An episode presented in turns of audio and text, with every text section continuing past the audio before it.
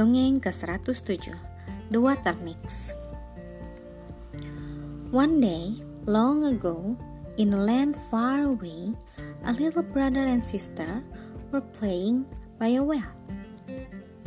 They ran about in the sunshine, happily chasing each other until the little girl tripped. Over she toppled into the well. Her brother reached out to save her, but he overbalanced and fell in too. Unfortunately, a mischievous water spirit called a, Ni- called a Nix lived down below. She was delighted to see the two children come splashing into the water, and she grabbed them, saying, Got you! Now you will live with me and do all my hard work. And the water nix pulled them down to the bottom of the well. The children was astonished to see that the world at the bottom of the well was very similar to the world above that they had left. The water nix dragged them off to her house and set them to work. The little boy had to chop down trees for firewood.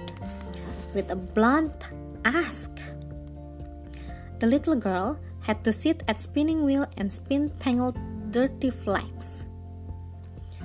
Then they had to fetch water for the cottage, but the buckets that, that the nix gave them had holes in them.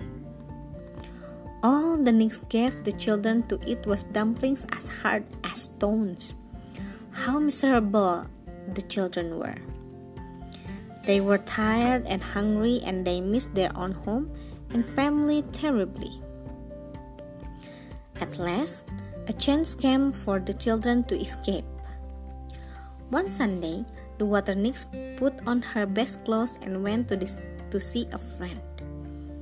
As soon as she was over the hill and out of sight, the children took each other by the hand and ran off as fast as their little legs would carry them. When the nix returned from her visit and found her servants gone, she was furious.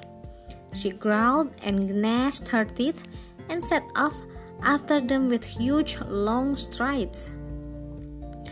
The little boy and girl felt the earth begin to shake, and as they ran, they looked behind them. The water nix was coming. Quick as lightning, the little girl took her hairbrush from her pocket and threw it behind her. While the children kept turning, the hairbrush grew and grew until it was a hill covered in sharp spikes that blocked the water nix path. The water nix roared with rage. Slowly, she scrambled all the way up and over the hill. And although the thousand of sharp spikes stabbed her a million times, she did not stop. The children could once more hear the water nix gaining on them, yelling and cursing all the time. Then the little boy took his comb from his pocket and threw it back over his shoulder. While they kept running, the comb grew and grew until it became a steep cliff covered in a forest of deadly spear. The water nix howled and bellowed with fury. Very sorry, she crawled over and around and through the spears, and although the, they jabbed her painfully on all sides, she still did not stop. The wind blew her hot panting breath onto the back of the children's neck. They glanced behind and saw the nix closing in on them. The children thrust their hands in their pocket, and all they had left was the little girl pocket mirror. The little girl threw it behind her as far as she could. While the children kept running, the pocket mirror grew and grew until it was a mountain made entirely of glass. It was so slippery that it was impossible for the nix to cross it. All she could do was go home to fetch her axe, so she could she could come back and chop the glass mountain to bits. But the children kept running. And when the water nix finally returned and demolished the glass mountain, they were long gone. How the nix growled and gnashed her teeth!